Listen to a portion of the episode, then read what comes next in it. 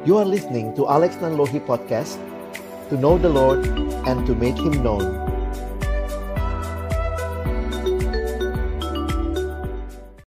Mari kita berdoa. Bapa di dalam surga kami datang dalam ucapan syukur malam hari ini. Terima kasih untuk cinta kasih dan anugerahmu bagi hidup kami. Secara khusus juga bersyukur buat rekan-rekan yang boleh bergabung bersama kami. Tuhan kami menyerahkan sesi malam hari ini ke dalam tangan pimpinan dan kasih Tuhan. Engkau yang kiranya menyapa kami dengan firman-Mu dan tolong kami. Pada akhirnya bukan hanya menjadi pendengar-pendengar firman yang setia. Tapi mampukan dengan kuasa dari rohmu yang kudus. Kami dimampukan menjadi pelaku-pelaku firman-Mu. Di dalam hidup kami di dalam masa muda kami. Bersabdalah ya Tuhan kami umatmu sedia mendengarnya dalam satu nama yang kudus, nama yang berkuasa. Nama Tuhan kami Yesus Kristus, Sang Firman yang hidup. Kami menyerahkan pemberitaan firman-Mu. Amin. Shalom. Selamat malam teman-teman sekalian. Selamat datang buat yang baru bergabung. Ini waktu-waktu perjuangan ya. Biasanya habis makan kenyang. Eh kenyang dulu lalu tertidur begitu ya. Ya kita akan berjuang bersama cuma dua kemungkinan. Kalian tertidur apa saya yang tertidur ya? Mari saling menjaga. Yang belum kenal tadi saya perkenalkan diri saya Alex Nanlohi. Saat ini saya melayani dalam pelayanan perkantas di Jakarta, secara khusus melayani di pelayanan siswa dan uh, saya bersyukur ya boleh melayani teman-teman di sini dan perkenalan singkat. Kalau studi saya dulu studi di Universitas Indonesia Fakultas Ilmu Sosial Ilmu Politik jurusan Ilmu Komunikasi program studi hubungan masyarakat. Ada yang tanya sama saya lo Alex nggak jadi PR lagi? Sekarang saya PR-nya Yesus gitu ya. Jadi ini kesempatan yang indah ketemu dengan teman-teman sekalian. Saya pelayanan sejak ini tahun yang ke-21 dalam pelayanan saya. Jadi eh, nggak uh, usah nebak-nebak umurnya ya, hitung-hitung sendiri aja. Setelah saya studi, saya sempat saya punya beban yang besar untuk di kampus. Saya bertobat waktu saya siswa. Saya Kristen dari kecil, tapi Kristen KTP, Kristen tanpa pertobatan, Kristen tanpa perubahan. Saya tidak mengerti apa artinya kekristenan. Saya anaknya dari dulu kelihatan baik, ya. Saya bisa menipu orang banyak dengan kebaikan yang di luar diri, tapi sebenarnya di dalam diri saya begitu hancur. Jadi ketika saya kenal Yesus kelas 1 SMA melalui pelayanan perkantas di Makassar, saya bersyukur Tuhan tangkap saya waktu SMA saya bertumbuh dalam pelayanan perkantas waktu saya ada di kampus dan akhirnya saya pikir uh, ya beban yang besar yang Tuhan berikan. Jadi saya makanya ditanya mencintai siswa, ya mahasiswa juga karena saya pernah nikmati dua pelayanan ini. Jadi saya pertama kali jadi staf mahasiswa, staf mahasiswa empat tahun, lalu kemudian um, ada kebutuhan untuk jadi staf siswa, jadi akhirnya saya menjadi staff di pelayanan siswa. Tapi saya pikir ini pelayanan yang luar biasa. Dua-duanya bicara bertemu dengan kaum intelektual yang menjadi masa depan bangsa ini. Seperti tema kita atau logo ini ya, atau moto ini. Student today, leader tomorrow. Saya sedikit mengkritisi sebenarnya jangan leadernya tomorrow ya, leader start from today ya dari sekarang nanti kalau besok-besok nanti yang tua-tuanya nggak turun-turun ya. nanti uh, kita belajar untuk mempercayakan pelayanan ini kepada generasi yang lebih muda. Nah itu saya pikir kesempatan yang indah. Saya studi teologi ya tahun 2000 uh, tahun uh, 2004 saya dapat kesempatan studi lanjut setelah pelayanan sekian tahun saya studi lanjut di teologi bidang misi saya kuliah selama kurang lebih satu setengah tahun di Inggris untuk mengambil misiologi. Dan saya kembali melayani di kalangan siswa dan mahasiswa. Baik, itu perkenalan singkat dari saya. Selebihnya bisa sambil ngobrol selama saya ada di sini. Saya akan ikut sampai selesai gitu ya uh, camp kita. Nah malam hari ini kita akan bicara satu tema yang menarik sekali Karena apa? Karena kekristenan sangat dikenal dengan Injilnya Apa artinya Injil? Injil artinya kabar baik Kabar sukacita Tetapi banyak orang tidak mengerti kabar itu Bahkan kalau kita bicara penginjilan Apa sih artinya memberitakan Injil? Apakah saya akan bilang, weh ada ada kabar sukacita loh. Ih, luar biasa loh kabarnya yo. Luar biasa ya. Kabarnya sungguh baik. Ih, baik banget kabarnya sukacita banget.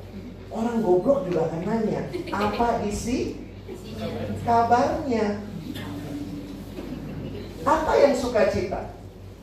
Nah karena itu malam ini mari kita melihat Kenapa kekristenan bicara kabar sukacita Mungkin untuk saudara bisa mengerti kabar sukacita Saudara harus mengerti dulu kabar duka cita kalau saudara tidak pernah sadar kebutuhanmu, saudara tidak akan pernah sadar apa yang kamu perlukan.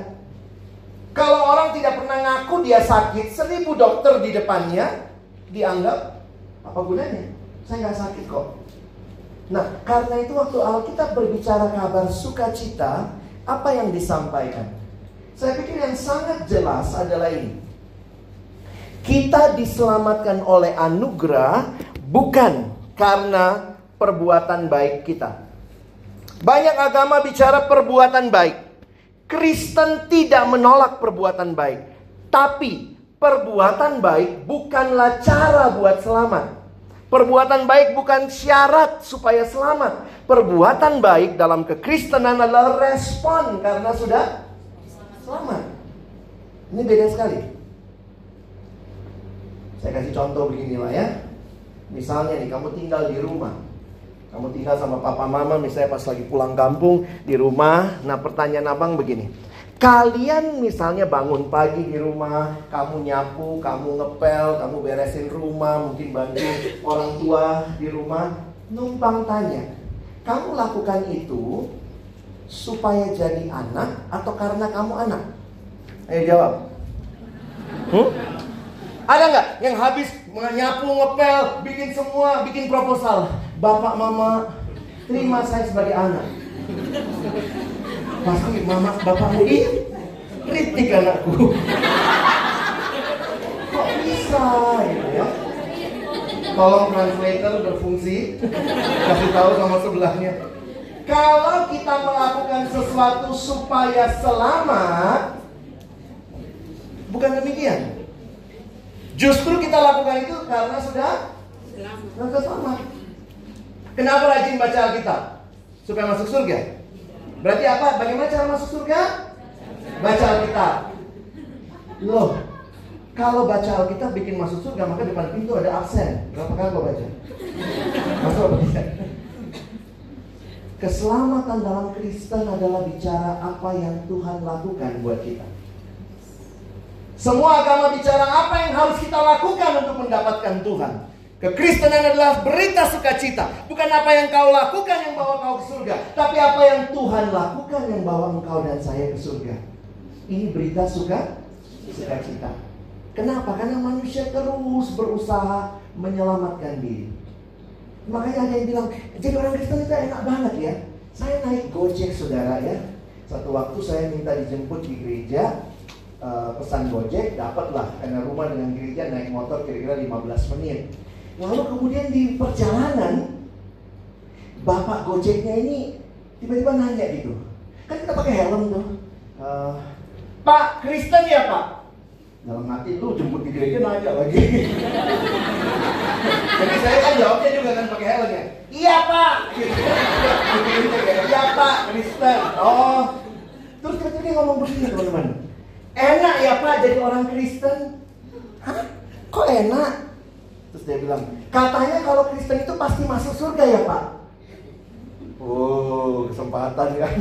iya Pak. pasti Pak. Kok bisa ya Pak? Akhirnya di Gojek 15 menit terjadilah penginjilan. Saya jadi, karena dia nanya terus kan, gimana Pak? Jadi kita itu kayak orang berantem gitu ya. Kita kan pakai helm. Apa Pak?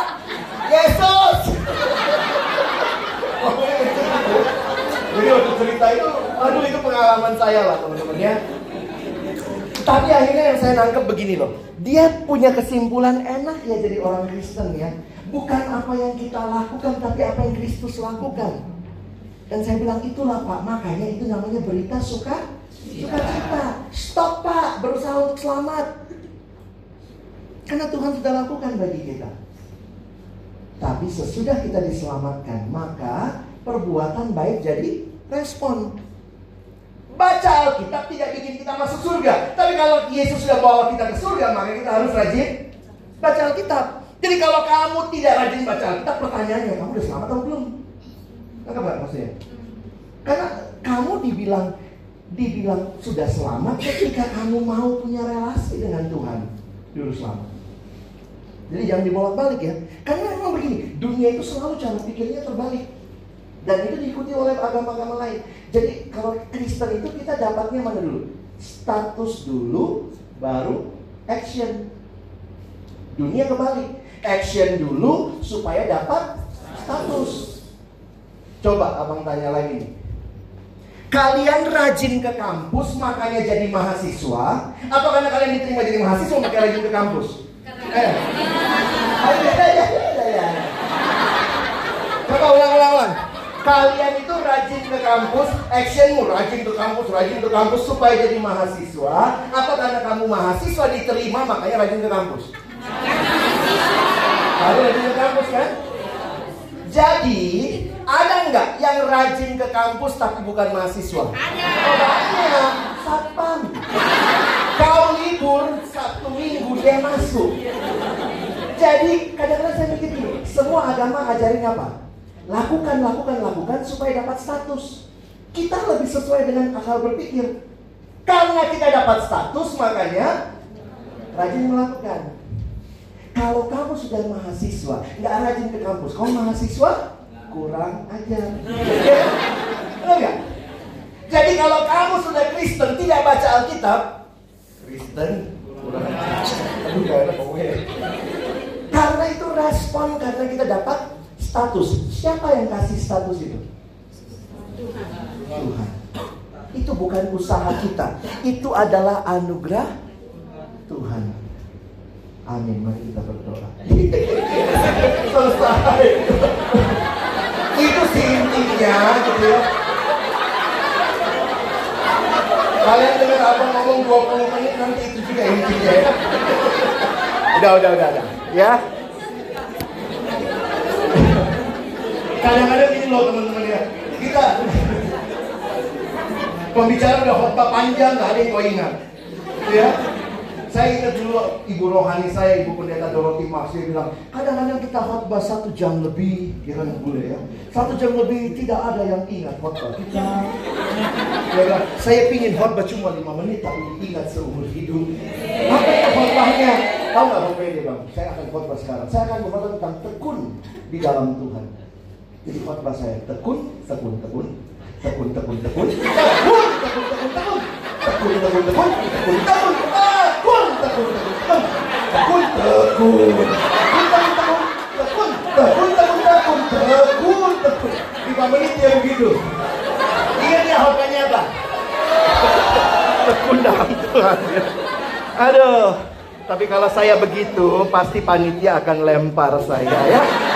Kak, jauh-jauh dari Jakarta kalau kayak gitu kami juga bisa. Oke ya. Yuk kita dalami sama-sama. Malam ini abang pilih satu ayat saja ya. Karena kalian kalau banyak kalian tidur atau saya tidur ya. Yuk kita buka 1 Petrus 2 ayat 24. 1 Petrus 2 ayat 24. Yuk yang sudah ketemu, kita baca ayat ini sama-sama ya. Satu, dua, iya. Ia sendiri telah memikul dosa kita di dalam tubuhnya di kayu salib, supaya kita yang telah mati terhadap dosa Siapa ia di sini? Petrus lagi bicara tentang Yesus bahwa Yesus sendiri telah memikul dosa kita dalam tubuhnya di kayu salib. Saya pilih ayat ini karena dalam ayat yang singkat ini kita dapat gambaran yang sangat jelas tentang Injil kasih karunia Allah. Semua agama bicara keselamatan, agama apa pun itu, tapi Kristen bicara keselamatan dari bahaya yang terbesar dan terakhir. Bahaya yang sangat mengerikan akibat dari dosa. Bahaya yang terbesar dan terakhir. Alkitab bicara tentang jalan keluarnya. Itulah Injil yang Tuhan tawarkan. Nah mari kita lihat sama-sama. Saya mulai yang pertama. Saya akan share tiga hal ya. Yang pertama kalian lihat apa yang abang warnai merah. Dosa kita. Kita baca sama-sama. Satu dua ya. Pertama, kita manusia berdosa yang seharusnya Saya kasih enam pasang kata. Kata pertama adalah dosa kita. Apa yang terjadi? Kalau saudara perhatikan, dosa kita, kita manusia berdosa yang seharusnya memikul hukuman dosa kita sendiri. Alkitab bicara Allah menciptakan manusia berharga. Itu sesi satu yang tadi belum datang ya. Kita lagi bicara Allah menciptakan manusia berharga. Bayangkan kalau ini adalah ini jangan bayangkan ini mic ya. Gunanya apa? Mengeraskan suara. Dari mana kita tahu gunanya? Dari penciptanya. Penciptanya bilang ini untuk mengeraskan suara. Nah, kalau ini tidak dipakai mengeraskan suara, contohnya tadi, saya bilang kalau kamu dari kampung nggak tahu ini apa bang? Oh buat gatel ya. Kalau gatel begini. Apakah Mike mencapai tujuannya dicipta? Tidak. Tidak. Itulah istilah Alkitab tentang dosa. Alkitab bicara dosa, Alkitab bicara hamartia.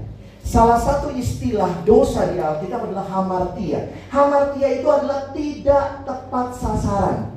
Kalau orang memanah, harusnya kena bidang panah yang paling tengah. Tetapi ketika dia meleset dari sasaran, itulah yang dikatakan Hamar, hamartia. Mike harusnya mengeraskan suara. Tapi kalau Mike dipakai buat gatal, Mike hamar, iya. Sekarang perhatikan. Waktu Allah menciptakan kita, Allah menciptakan kita manusia di dalam relasi. Pertama relasi dengan Allah, relasi dengan sesama, dengan diri sendiri dan dengan alam. Ayo olahraga malam-malam. Allah menciptakan kita untuk menyembah Dia, mengasihi sesama, menerima diri, memelihara alam. Coba ya, mengasihi Allah, me, sorry, menyembah Allah biar gampang dibedain ya, menyembah Allah, mengasihi sesama, menerima diri, memelihara alam. Itulah tujuannya. Tapi jangan di ini ya, jangan kalau kalian perhatikan, Allah ciptakan kita dalam relasi yang begitu indah dengan dia, dengan sesama. Tapi begitu dosa, apa yang terjadi? Allah malah tidak disembah. Manusia lari dari Allah. Kalau lihat di kejadian, Tuhan kayak ladenin juga ya. Waktu Adam lari bersembunyi habis makan buah pohon itu sama istrinya, Tuhan kan nanya, Adam di mana kah? Engkau kayak main petak umpet. Adam udah belum? Udah. Sebenarnya Tuhan tahu nggak sih Adam di mana? Tahu. Karena Allah maha tahu. Kalau begitu, apa gunanya pertanyaan ini? Supaya dia mengaku. Dia mengaku. Adam ditanya, seorang hamba Tuhan mengatakan itu bukan pertanyaan soal lokasi. Tuhan tidak tanya tentang di mana engkau secara lokasi. Tuhan sedang bertanya bahwa engkau Adam tidak ada pada tempatmu yang seharusnya. Allah harusnya disembah. Sesama harusnya dikasihi. Ketika manusia lari dari Allah, itu hamartia. Teman-teman dan saya diciptakan untuk menyembah Allah. Sesama harusnya di kasih. Tadi kamu juga ada yang begitu. Kalau menyembah Allah mengebuk sesama mati lah teman-teman ya. Hamartia, lihat kejadian pasal 3 dulu ya. Ketika itu waktu ditanya Adam, Adam kau makan buah pohon itu? Siapa yang Adam salahkan? Hawa. Hawa dan Eh, kawan nggak bicara ular loh. Baca Alkitab ayo. Hawa dan Tuhan. Masih ingat kalimatnya Adam? Perempuan yang kau tempatkan di sisiku. Tuhan sih ngasih-ngasih cewek. No woman, no cry.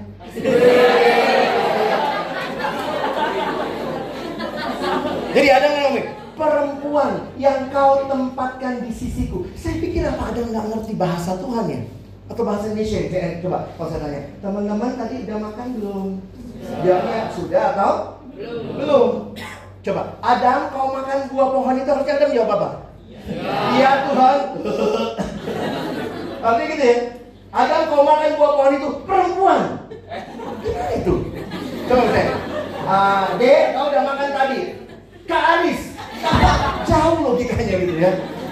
Itulah manusia. Di dalam dosa bukannya mengasihi tetapi malah menyalahkan. Bahkan kejadian empat menuliskan seorang abang tega bunuh adiknya sendiri. Ini hamartia. Harusnya sesama dikasihi. Diri sendiri harusnya diapain? Di diterima. Tadi kita udah banyak bahas soal penerimaan diri ya. Harusnya kita bersyukur Tuhan. Saya saya, bukan dia. Kenapa kita mau jadi dia? Kadang-kadang begitu. Kenapa cantik banget sih? Nah, tukeran. Lihat yang cantik marah. Lihat yang jelek menghina. Puji Tuhan, nggak sejelek dia ya. Memang manusia dalam dosa begitu. Dosa itu hamarti yang meleset dari satan. Harusnya sesama dikasihi. Yang jelek harusnya dikasihi. Kadang-kadang saya pikir gini loh. Kita itu waktu kita menghina ciptaan, sebenarnya kita menghina pencipta. Waktu teman-teman dan saya sulit menerima diri, itu gambaran hamartia. Alam, ya itu lebih gila lagi. Alam harusnya di pelihara. Eh, manusia itu saking. Dosa itu bikin kita goblok. Benar. Coba bilang sebaya dosa bikin kita goblok. Eh, bilang. eh, bukan kau, bukan kau. Kita, kita, kau masuk. Dosa bikin kita goblok. Kau juga masuk. Ya. Jangan suka asik. goblok, goblok. Oh, ya. Apa yang terjadi dalam dosa? Ini yang terjadi kan? Alam disembah.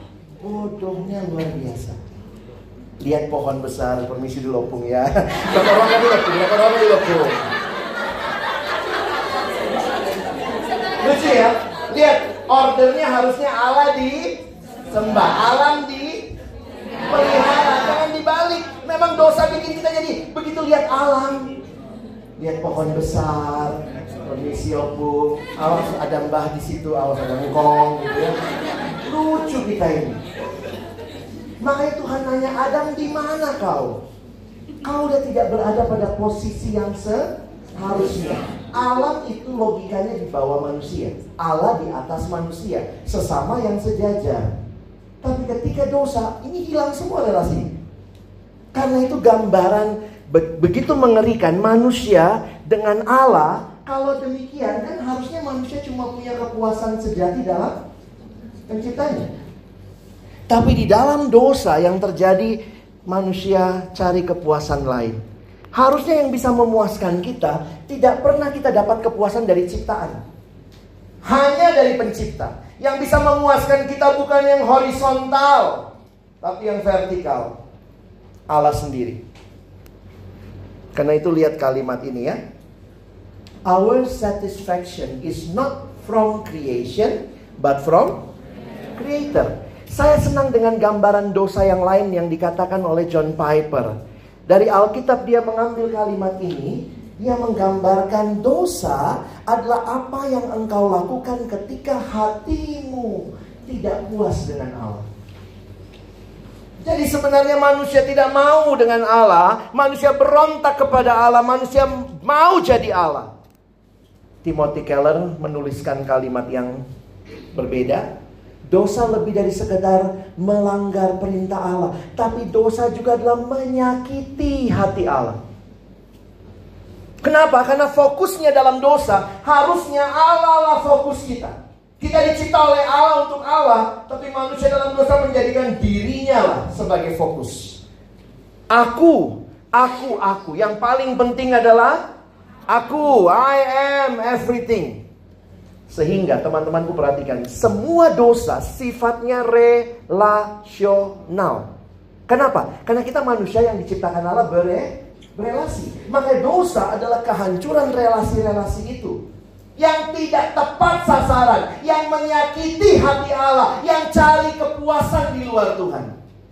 Dan inilah gambaran hidup kita. Saya tidak tahu kamu di kuadran berapa. Aku nggak pernah ditodong bang, aku yang nodong. Oh, mungkin gitu ya. Juga ya. Kenapa manusia lebih memilih apa yang dia pengen? Teman saya bahkan bilang gini, ini almarhum teman saya ya.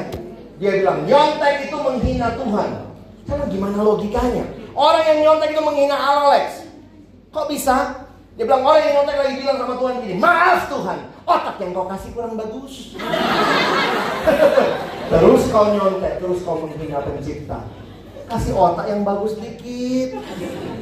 Dan waktu saya masih cari contekan, saya sedang tidak menghargai Tuhan Kadang-kadang kita pikir yang nyontek aku bang Aku kan yang nyontek, ini urusanku, pribadiku Tapi ketika kita bicara dosa Dosa selalu sifatnya rela Makanya kalau kita perhatikan ya Ini beberapa keterikatan Manusia menggantikan Allah dengan yang lain Ada yang terikat dengan ini? Hati-hati ya Kalian mahasiswa baru Ingatlah tanggung jawabmu banyak anak-anak yang mau coba. Makanya aduh enak lah coba ini coba itu. Hidup bukan sekedar mencoba. Hidup adalah memilih. Ulangi kalimat saya. Hidup bukan sekadar mencoba. Hidup adalah memilih. Pilih apa yang benar. Satu waktu abang selesai pelayanan di Bandung, ada yang datang gitu. Terus dia bilang tadi kata Kak Alex nggak boleh ngerokok ya? Nggak boleh narkoba, nggak boleh ngerokok. Saya bilang, iya harusnya sih jaga. Makanya apa kau agak buta? Lihat di samping rokok itu kan tulisannya. Rokok dapat menyebabkan apa segala macam. Karena mahasiswa nih ya. Terus kemudian dia, saya tanya, eh, sorry siswa, apa tujuanmu merokok deh? Ya biar dibilang jantan bang. Ayam kau ya. Jadi akhirnya gitu lah. Kita kita merasionalisasikan. Terus kemudian dia bilang ini sama saya. Ini saya kaget banget ya ada siswa pikirannya begitu. Abang pernah merokok? Enggak. Pernah narkoba? Enggak. Terus kenapa bilang nggak boleh? Hah? Saya mandangin dia. Dia bilang, dia, dia, dia kemudian berkhotbah pada saya. Jadi bang, abang harus coba dulu, baru bilang nggak boleh. Jangan bilang nggak boleh, padahal nggak pernah nyoba. Saya mandangin yang goblok apa sih? Liatin ya anak. Prinsip hidupnya apa? Ini prinsip anak muda sekarang. Hidup adalah mencoba. Oh, saya diam sebentar, mikir-mikir, terus saya bilang gini, Dek, kau mau masuk penjara nggak? Ya enggak lah bang, penjara baik apa jelek? Jelek bang. Kau pernah di penjara? Belum bang. Kenapa bilang jelek? Saya balikin jawabannya. Kenapa bilang jelek? Kau pernah di? Barulah kemudian bilang, iya ya bang. Saya makanya hidup bukan sekadar hidup memilih. Saya memilih tidak merokok, itu pilihan. Ya, saya memilih tidak usah judi.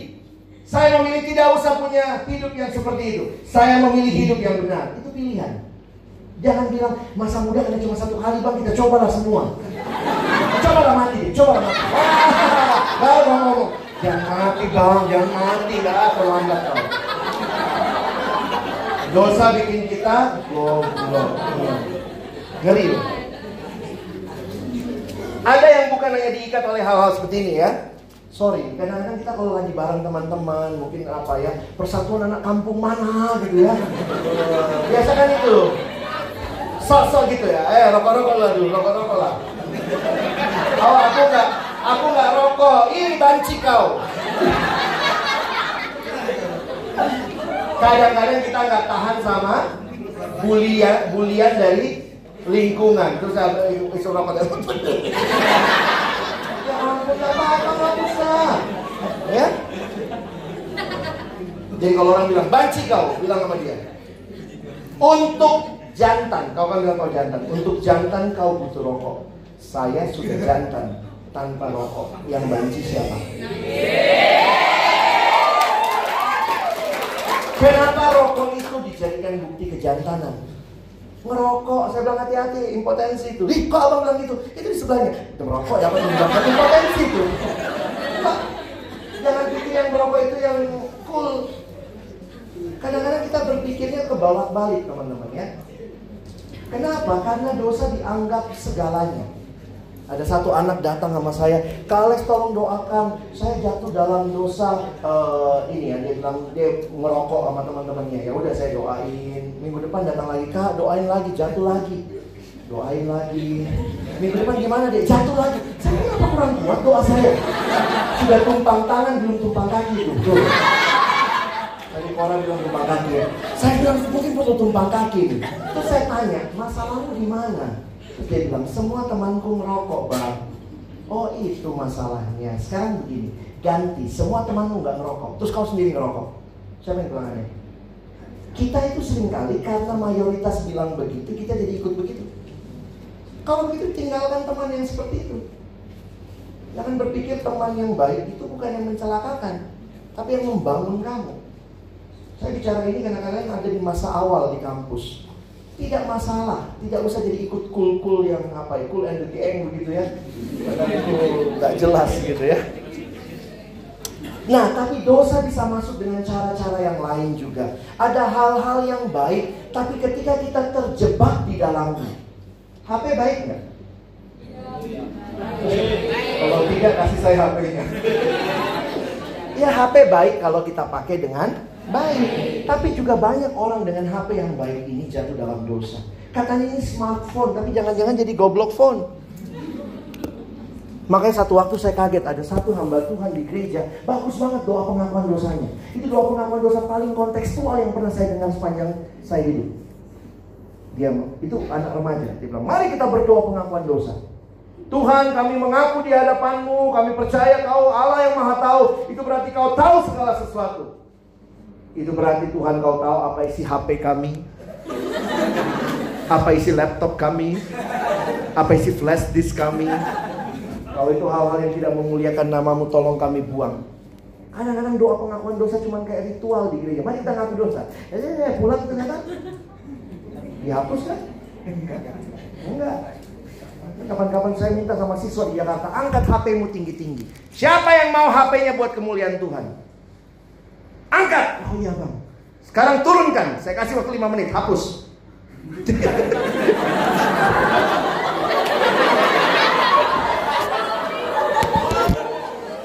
Jangan cuma berani ambil komitmen, aku mau ikut Tuhan. KKM nangis-nangis, ingus meleleh. Saya sudah katakan Tuhan, kita butuh pertobatan, bukan cuma penyesalan. Yang nyesel banyak, tapi yang tobat sedikit. Ada yang dilayani berkali-kali jatuh pornografi, tinggalkan deh, hapus. Aduh bang, downloadnya lama. Halo. Saya harap nanti di kelompok kalian semua buka HP ya. Hapus. Siap ya? Hmm. HP pakai password lah, passwordnya susah banget lagi. Kenapa? Alasannya privacy, padahal gara-gara banyak yang seksi.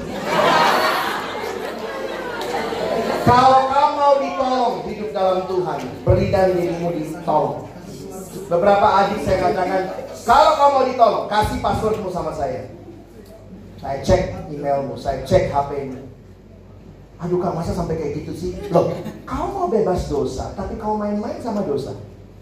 Jangan jangan mempermainkan Tuhan. Kalau kau jadi Tuhan, coba bayangkan kalau kau jadi Tuhan. Mau tukeran tempat?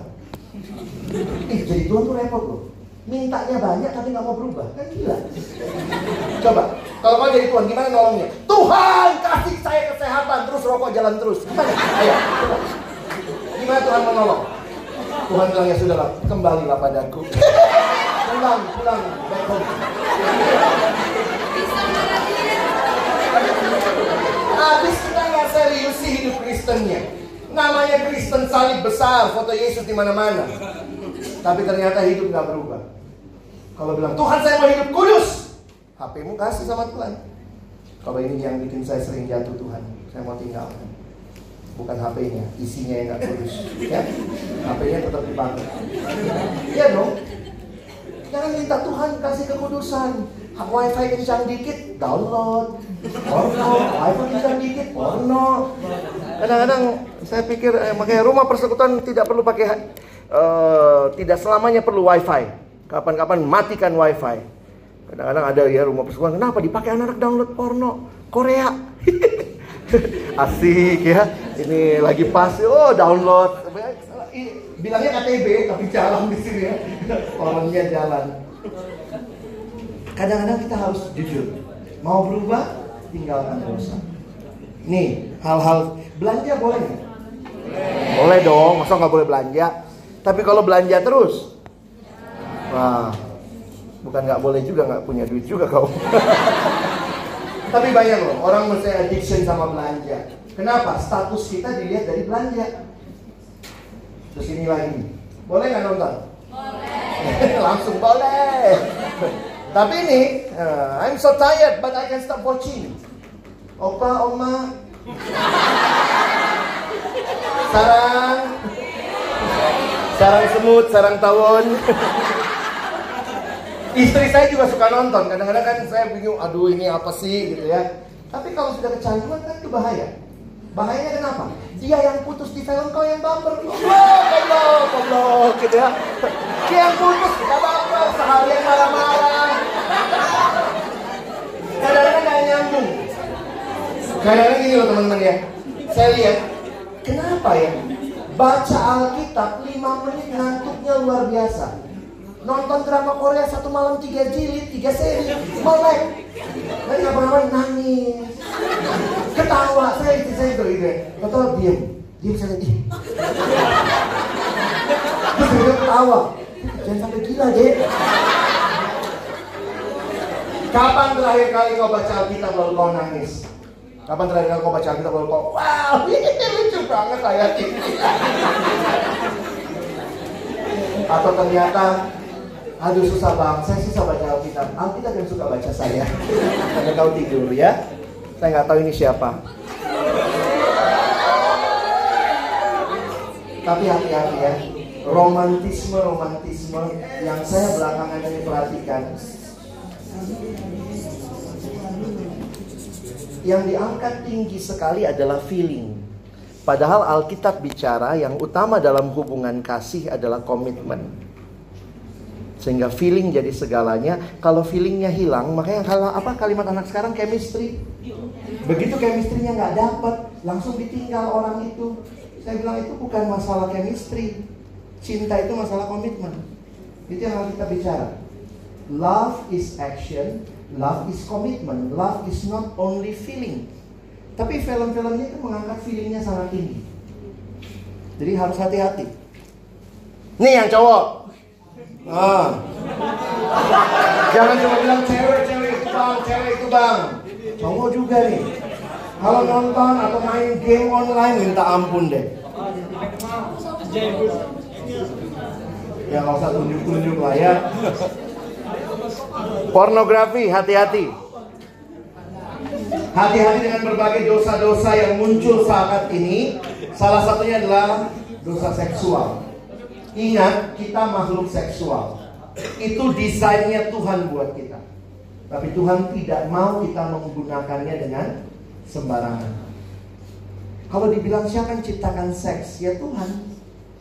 Tapi Tuhan menciptakan seks dalam hubungan relasi pernikahan. Seks yang indah hanya dinikmati dalam relasi pernikahan. Seks yang indah adalah seks yang laki dan perempuan, bukan lagu goti. ya. Berarti ya. Kalau dengerin ya.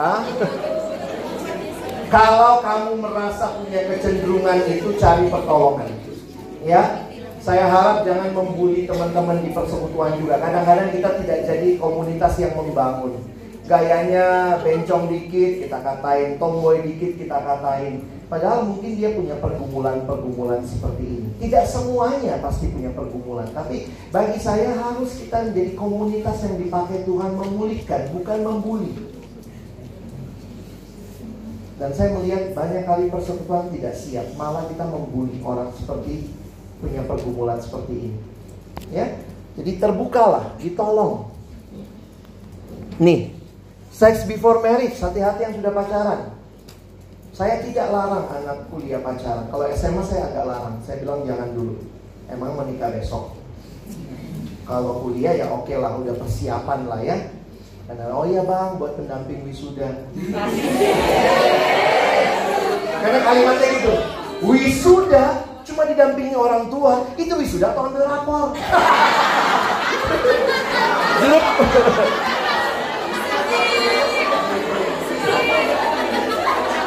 Tapi pertanyaan saya begini, kau siap pacaran nggak? Berarti kau siap mengerti apa artinya mengasihi dan dikasihi. Kalau kita nggak siap, banyak yang banyak yang begini nih. Sex before marriage. Kalau kau sungguh mencintaiku, ayolah cium-cium aku. Ih.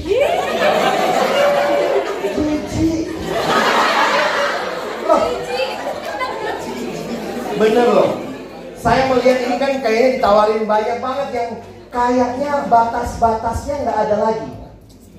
Ya. Hati-hati. Jangan buka kado sebelum ulang tahun. Iya. Ya.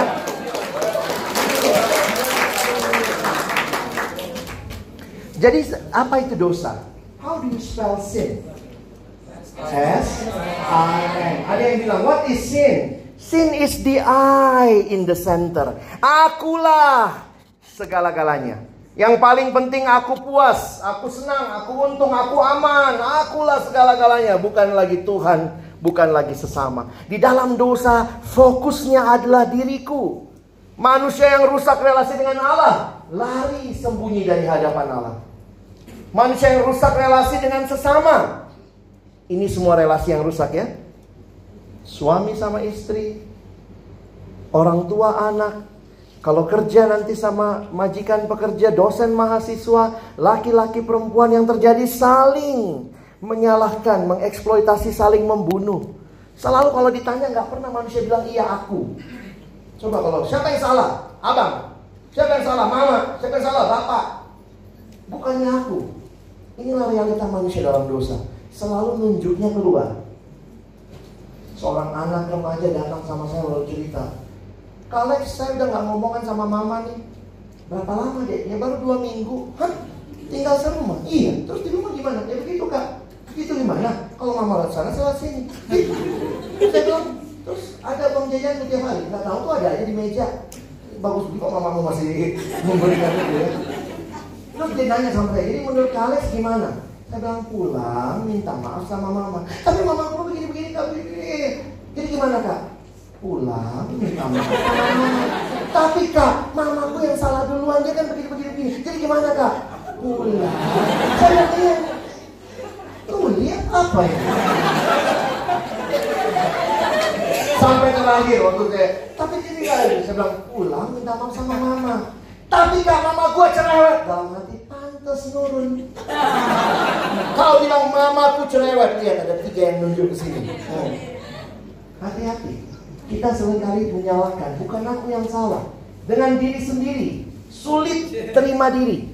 Bandingkan diri dengan orang lain. Minder atau sombong. Dengan alam yang tadi ya. Lucu, alam disembah. Dan inilah realita manusia dalam dosa. Tidak heran Alkitab mengatakan dosa itu membelenggu. Ada satu kalimat yang saya renungkan, kalimatnya ini. Dosa menyusup perlahan-lahan, kita memberontak kepada Allah secara sadar dan perlahan. Terjadinya memang pelan-pelan sehingga kita tidak mengenali dampaknya yang menghancurkan. Ada yang bilang, "Bang, saya kan belum menikah, ya udahlah porno-porno dikit sekarang. Kalau aku lagi pengen aku masturbasi, nggak apa-apa lah, nggak ada efeknya itu." Kata siapa? Kalau kau pikir itu cuma masalahmu sama dirimu, no. Beberapa orang yang menikmati pornografi dan masturbasi akhirnya sulit ketika pernikahan karena seks itu mutual.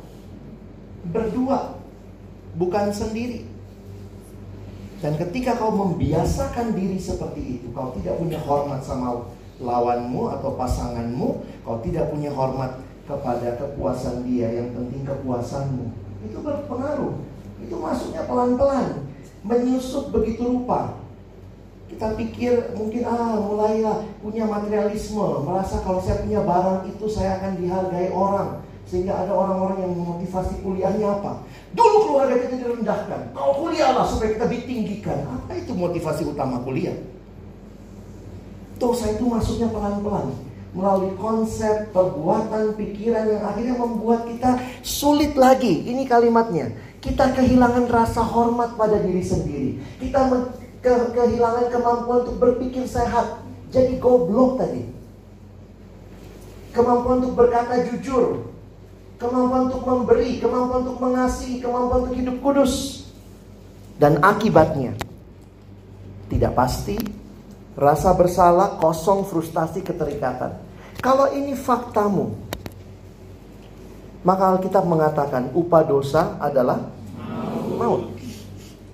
Ada satu hal yang Alkitab nyatakan tentang dosa. Dosa bukan keintiman yang akhirnya membawa kepuasan. Tapi hal-hal yang indah tapi dinikmati tidak pada tempatnya. Hamartia meleset dari sasaran. Maka Alkitab mengatakan upahnya adalah maut. Di titik inilah kita melihat ini berita duka cita terbesar seluruh dunia. Karena Alkitab berkata semua manusia berdosa dan kehilangan kemuliaan Allah. Siapa yang berdosa? Semua manusia. Nah waktu Kristus datang, bagi saya di situlah Injil itu. Ketika dapat gambar ini pertama kali, kalau kalian googling, ini judulnya Peter Drowning. Petrus tenggelam. Jadi yang bikin gambar ini saya senang idenya ya. Jadi itu gambaran ini yang di luar air itu Yesus. Jangan kau bilang Yesus yang tenggelam ya. Enggak, ini Yesus yang di luar air, nah Petrusnya tenggelam. Jadi ini memberikan satu gambaran. Pertama saya lihat gambar ini, saya nangis teman-teman. Karena saya pikir itulah gambaranku dalam dosa Tuhan. I can do nothing. Hanya karena Tuhan mengulurkan tangannya, mengambil aku dari air yang dalam itu. Manusia tidak dapat menyelamatkan diri. Kalau perbuatan baikmu Perbuatan baikku bisa menyelamatkan kita. Yesus tidak perlu datang. Kenapa dia disebut juru selamat? Karena bukan kita yang menyelamatkan diri. Kalau saya bisa menyelamatkan diri, saya juru selamatnya.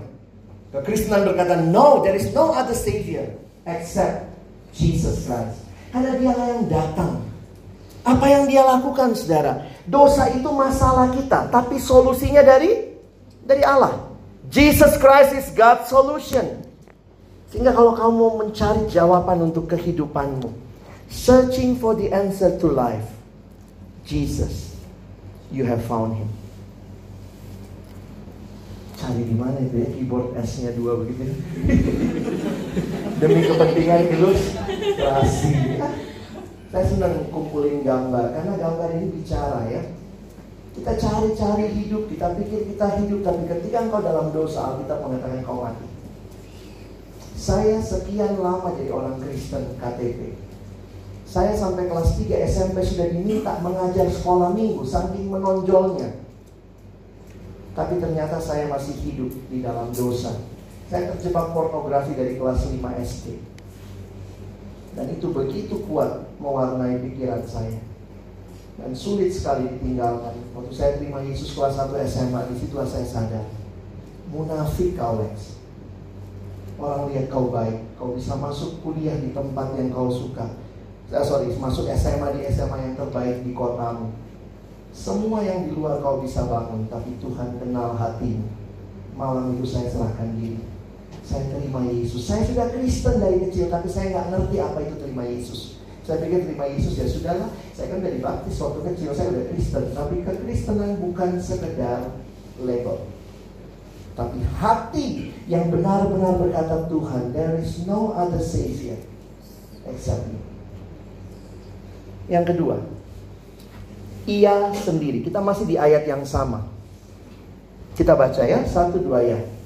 Kristus memikul hukuman dosa kita, yaitu maut melalui kematiannya.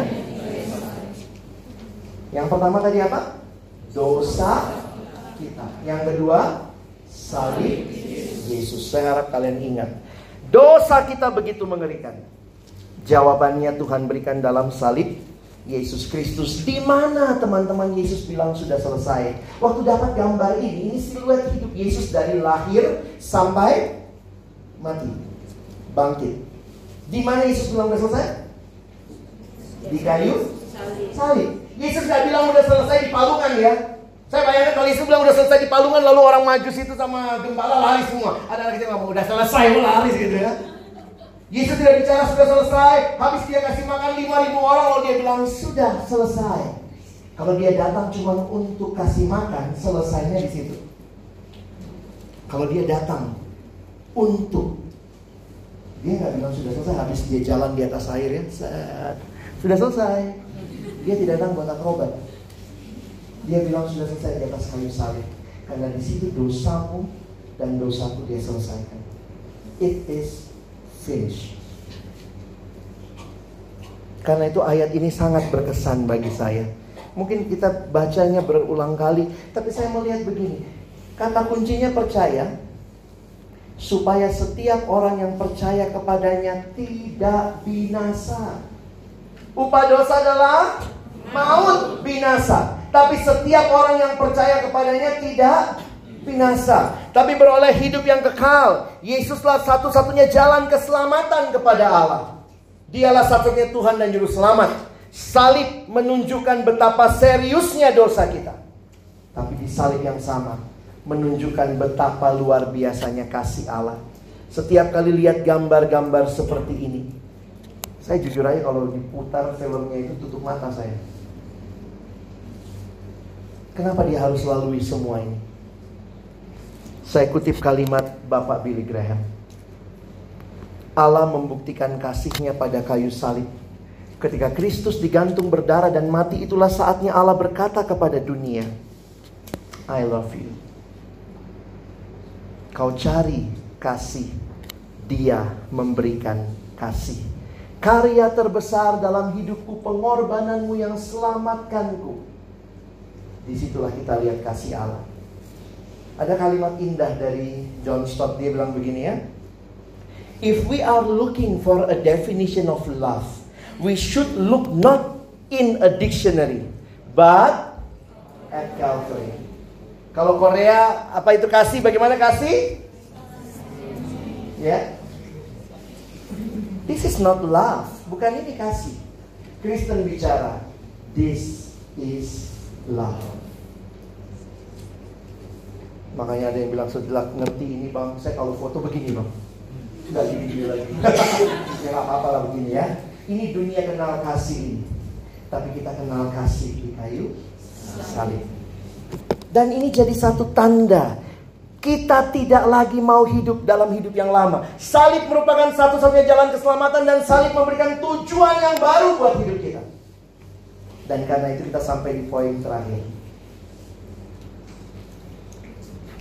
Kita baca ya. Satu, dua, ya.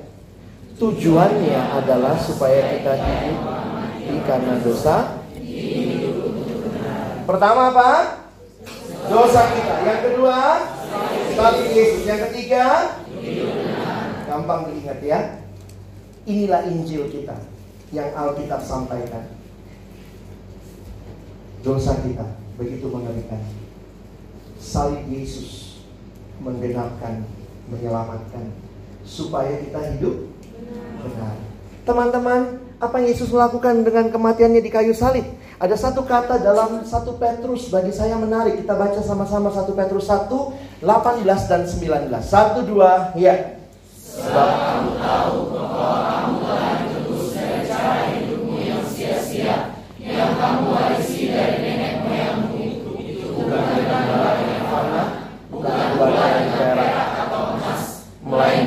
dengan darah yang mahal, yaitu darah Kristus yang sama seperti darah anak yang Kamu ditebus. Ada hal yang menarik kalau kalian ikut sesi pertama tadi. Saya katakan di dalam konsep penciptaan ada konsep kepemilikan. Kalau saya cipta benda ini, maka benda ini dicipta, begitu dicipta ini punya siapa?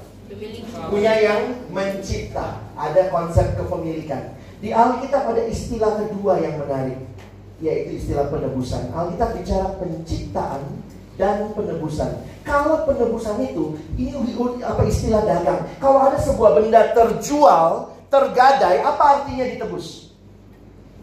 kita bayarkan sejumlah uang atau kita tukar sama barang supaya benda itu kembali jadi milik kita. Di dalam konsep penciptaan dan penebusan dua-duanya mengenal konsep kepemilikan.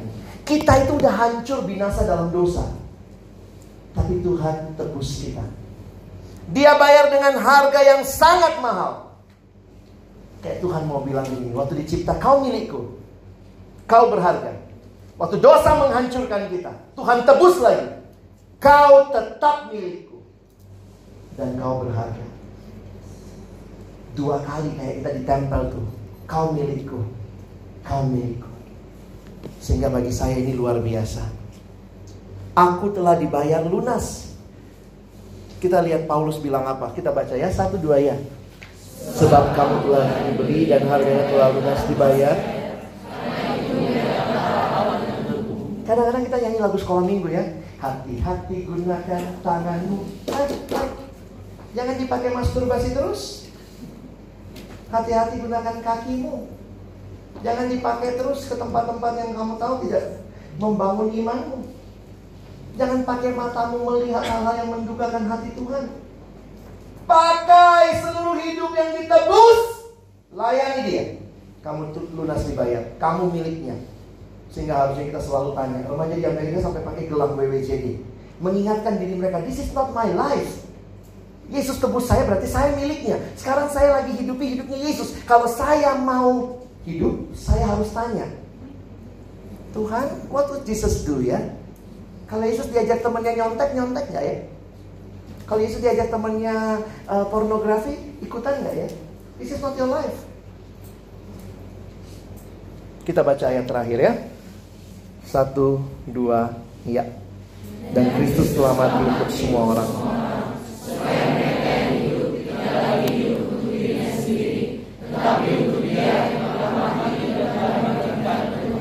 Perhatikan, tidak lagi hidup untuk dirinya sendiri. Itulah hidup dalam dosa. Titiriri, mati-matian untuk diri sendiri. Oh, yang penting aku puas, aku aman, akulah segala-galanya. Kristus mati, ingat loh, supaya kau tidak lagi hidup buat dirimu sendiri. Sekarang kau hidup untuk Iya. Kalau kau sungguh-sungguh alami karya Kristus yang menyelamatkan, hidupmu berubah. Cara belajarmu berubah. Karena Kristus sudah berikan hidupnya, cara belajarmu akan berubah. Cara bergaulmu akan berubah. Kalau kau sudah pacaran, gaya pacaranmu berubah. True love waits. Pengen nih kampanye ini ya. Ada satu gerakan True Love Waits. Kalau kau mengasihi, harus tunggu. Bangun hidup yang mengasihi Tuhan. Kita akan bahas ini besok. Dan hari terakhir. Ingat tiga hal. Pertama, dosa kita. Kedua, ketiga, ingat ya, dosa kita sangat mengerikan. Salib Yesus menyelamatkan dan hidup benar jadi respon atas keselamatan. Apa respon kita? Saya pikir ini. Kalau kalian masih asing dengan istilah terima Yesus, apa sih terima Yesus? Saya dari gereja yang tidak kenal terima-terima Yesus. Karena dianggap dari kecil sudah Kristen, pasti sudah terima Yesus. Tapi jujur waktu saya mengerti hal ini, terima Yesus saya simpulkan dalam dua hal. Coba kalian pikirkan dan renungkan. Orang yang terima Yesus adalah orang yang percaya sungguh-sungguh bahwa hanya Yesus satu-satunya Tuhan dan Juru. Kadang-kadang ada orang-orang berkata sudah terima Yesus tapi ternyata masih kedukun, masih main-main dengan hal-hal yang tidak benar. Siapa Tuhanmu? Yesus sungguh-sungguh gak? Makanya kalau kau cuma Kristen tradisi, saya ragukan kau belum tentu sudah terima Yesus. Saya ketika satu SMA, ditantang terima Yesus. Saya pikir saya dari kecil Kristen kok. Tapi saya bukan Kristen yang sungguh-sungguh percaya sama Tuhan. Masih ada Tuhan-Tuhan yang lain yang saya suka. Terima Yesus berarti percaya. Percaya itu gambarannya kayak begini nih. Betul-betul berserah kepada Tuhan. Dan terima Yesus dalam perenungan saya yang kedua adalah sungguh-sungguh bertobat. Ada hal yang harus ditanggalkan. Ini kayak baju ya, Tuhan pakai uh, Efesus pakai istilah ditanggalkan ada hal yang dikenakan. Hidup yang baru, ada komitmen untuk berubah. Dan itu karena karya Kristus di kayu salib. Malam ini kau dengar Injil. Tapi mari bukan cuma dengar. Apa responmu? Maukah kau buka hatimu? Terima Yesus. Alami karya salibnya yang menyelamatkan engkau.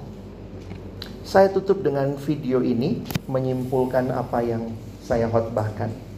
Kiranya Tuhan menolong kita sebelum kita berdoa penutup.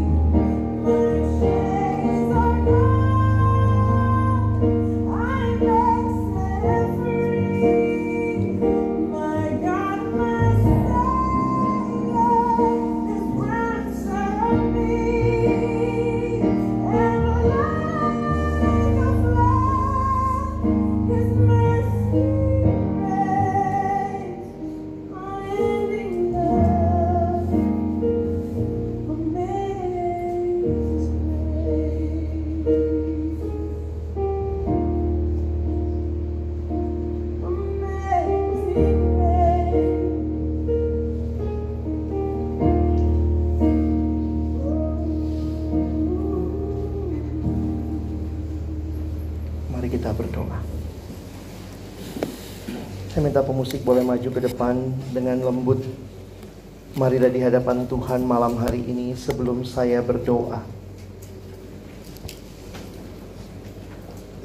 Pandanglah karya salibnya yang memberikan kepadamu dan kepadaku jalan keluar atas dosa. Karya terbesar dalam hidup kita adalah salib Kristus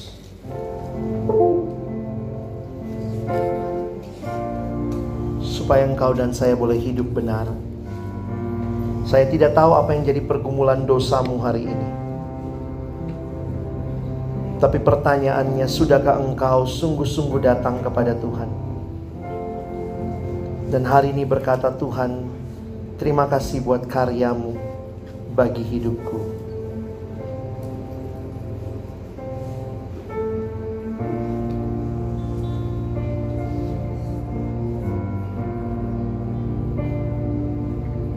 Mari dengan sangat lembut kita katakan refrain lagu ini.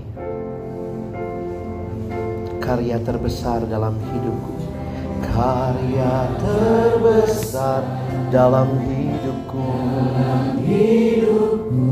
Pengorbananmu. Yang selamatkan. Engkaulah harta. Engkaulah harta yang tak ternilai yang ku miliki dan ku hargai. Yesus engkau Yesus engkau ku kagumi. Mari semua tunduk kepala di hadapan Tuhan. Tidak ada lagi yang lihat ke kiri kanan Saya harap kita serius di hadapan Tuhan malam hari ini. Saudara tidak bisa ambil keputusan untuk orang lain Tapi engkau bisa ambil keputusan untuk hidupmu secara pribadi. Siapakah yang malam hari ini? Setelah kau dengar firman Tuhan Dan kau lihat hidupmu bagaimana firman meneropong hidupmu Dan kau berkata hari ini di hadapan Tuhan Tuhan di sini saya Saya mau buka hati Untuk pertama kalinya terima Yesus sebagai satu-satunya Tuhan Dan Juru Selamat dalam hidupku. Itu berarti percaya sungguh-sungguh. Itu juga berarti ada kerinduan untuk meninggalkan hidup yang lama, bertobat dari dosa-dosamu dan datang kepada Allah untuk hidup benar. Saya tidak tahu selama ini apakah engkau sudah sungguh-sungguh percaya kepada Tuhan atau mungkin ada kuasa-kuasa lain yang kau main-main dengannya. Keluargamu masih terikat dengan okultisme. Dan hari ini Tuhan berkata siapa yang di di tempat ini berkata Aku ini Tuhan, aku mau buka hatiku, terima engkau satu-satunya dalam hidupku. Dan juga berkata, Tuhan saya mau tinggalkan dosa-dosa. Mungkin selama ini kau merasa Tuhan begitu menyedihkan hidup yang kau berikan. Aku pakai dengan tidak benar. Hamartia, meleset dari sasaran Allah. Mungkin hubunganmu dengan Tuhan kau sudah jauh. Tapi hari ini Tuhan katakan aku mengasihimu kembalilah kepadaku. Mungkin hubunganmu dengan keluarga.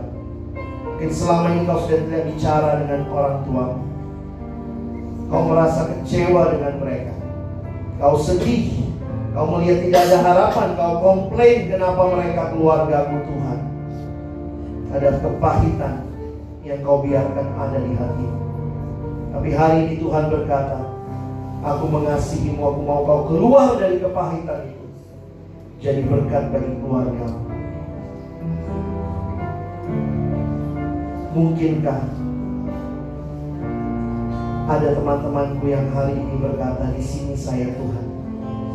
Saya mau buka hati terima Yesus untuk pertama kali. Mungkin kau persis seperti saya dari Kristen dari kecil sudah Kristen, tapi kau main-main dengan hidup Kristenmu, kau tidak mengerti sungguh-sungguh Kau menikmati dosa, kau kelihatan baik di luar, tapi hatimu yang terdalam, Tuhan yang tahu. Malam ini di hadapan Tuhan, sebagai hambanya, saya bertanya pertanyaan ini. Siapa yang berkata di sini saya Tuhan? Saya mau buka hati terima engkau. Untuk pertama kali, jika ada adik-adikku yang mau ambil keputusan ini, angkat tanganmu sebentar abang mau doakan keputusanmu. Apakah ada? Angkat tanganmu, puji Tuhan. Puji Tuhan, ada lagi yang berkata Tuhan di sini saya. Saya tidak mau tinggal lebih lama dalam dosa. Saya tidak mau hidup mendukakan hati Tuhan. Ada lagi yang berkata di sini saya Tuhan, angkat tanganmu. Puji Tuhan masih ada. Puji Tuhan, ada lagi. Tangan diturunkan. Mari kita semua berdiri di hadapan Tuhan. Kita taruh tangan kanan kita di dada kita. Kita naikkan refrain lagu ini sebagai pengakuan kita di hadapan Tuhan.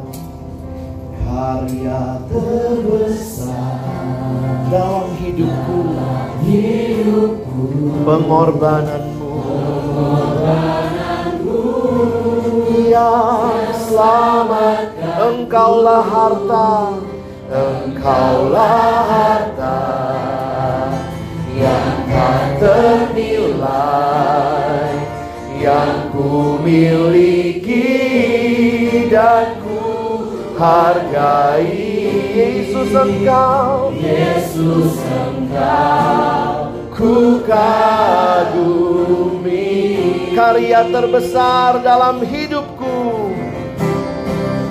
Karya terbesar dalam hidupku. Pengorbananmu yang engkaulah harta yang tak ternilai yang ku miliki dan ku hargai Yesus engkau bukan yang pria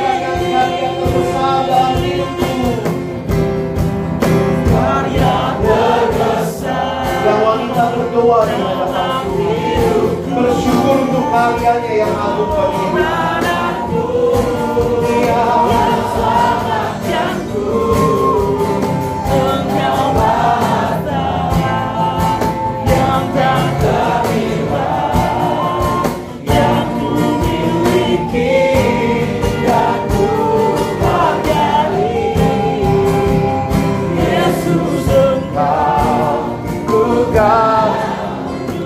wanita berseru karya terbesar dalam hidupku.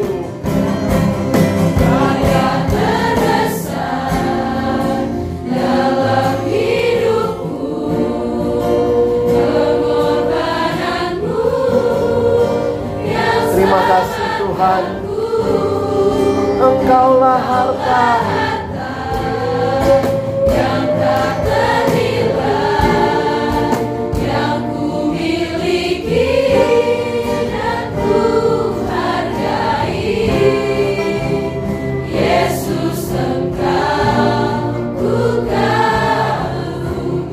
bersama-sama dengan lembut kita katakan karya terbesar. Terima kasih Tuhan dalam hidup pengorbananmu. Pengorbananmu yang selamatkanku. Engkaulah harta. Engkaulah harta yang tak ternilai. yang ku miliki dan ku hargai. Yesus engkau ku yang pria katakan Yesus engkau. Yesus engkau ku yang wanita katakan Yesus engkau ku kagumi. Yesus engkau Bersama-sama kita serukan Yesus engkau ku kagumi Yesus engkau ku kagumi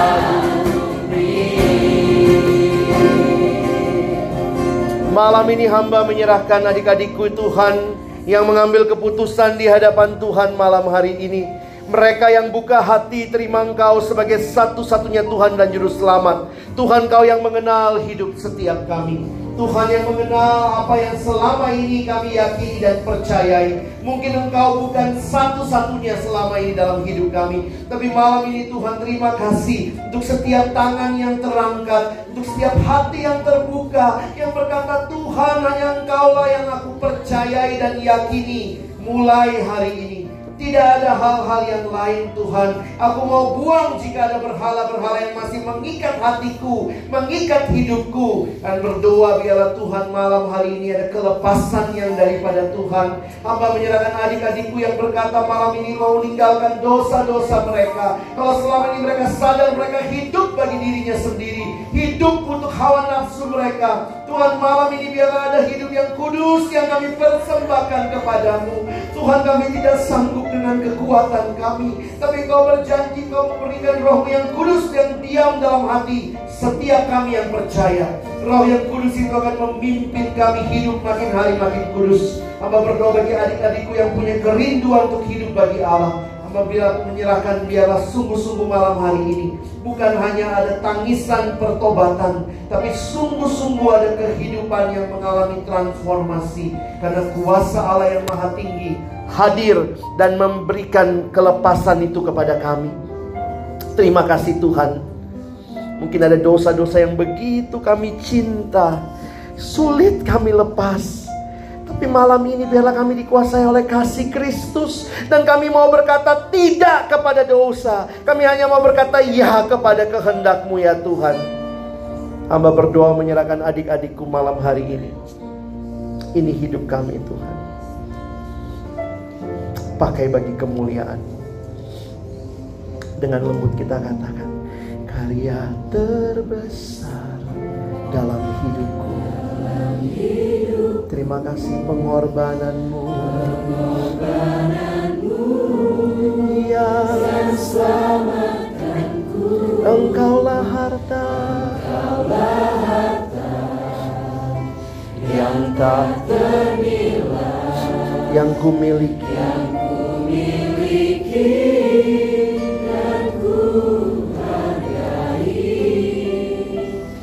Yesus engkau ku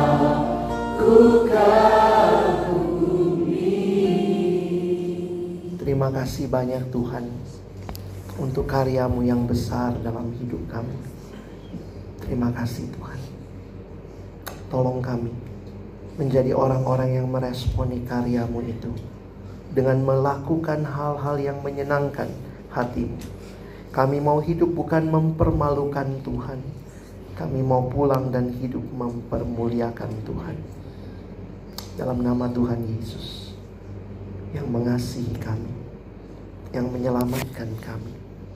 Kami sudah berdoa. Amin. Boleh duduk teman-teman dan ambil saat teduh. Biarlah menjadi kesempatan kalian tenang di hadapan Tuhan.